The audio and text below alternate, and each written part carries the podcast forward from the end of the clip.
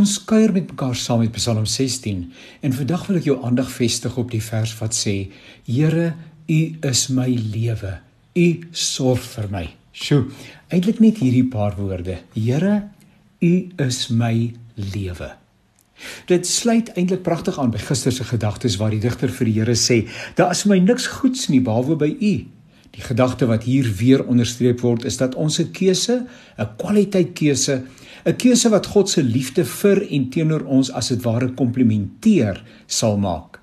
Maar ons kan net in 'n verhouding met hom staan omdat hy die Vader ons getrek het, omdat hy in ons harte gewerk het en werk. Ons voorberei het op die influistering van sy Gees wat vir ons sê: "Kom na my toe, almal wat vermoeid en belas is, en ek sal julle rus gee." Die een wat gesê het en sê: Al was jou sonne so skarlaken, dit sal word so sneeu, of as dit rooi soos purper, purper, dit sal wit word soos wol. Was dit nie en is dit nie vir God se genade werking in ons harte deur sy gees nie, kan geen mens met hom in 'n verhouding staan nie. Die Bybel sê immers, niemand vra na God nie, nie eers een nie. Ons is heeltemal tevrede op ons eie traject al is dit op pad na die verderf. Ons is blind en doof vir die stem van die Here totdat die Heilige Gees ons ore en ons oë en ons harte oopmaak. Alles alles is dus genade, onverdiende guns alleen. Ons het geen rede om te roem nie behalwe in sy oorvloedige genade, liefde en trou, sy onverstaanbare toegeneentheid teenoor mense wat dit in ewigheid nooit kan verdien nie.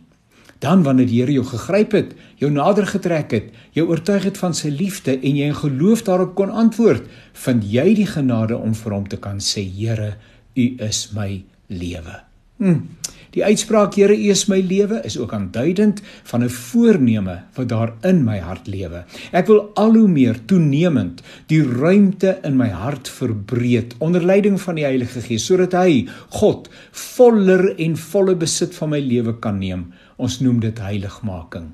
Om dus te kan sê hier is my lewe is ook 'n fenominale stuk sekuriteit in 'n stikkende, de mekaar sonde belaaide, onverskillige en goddelose wêreld. Ek kan soggens opstaan en saans gaan slaap met hierdie belydenis: Here, U is my lewe en veilig en geborge voel. Mag dit ook vandag van jou waar wees.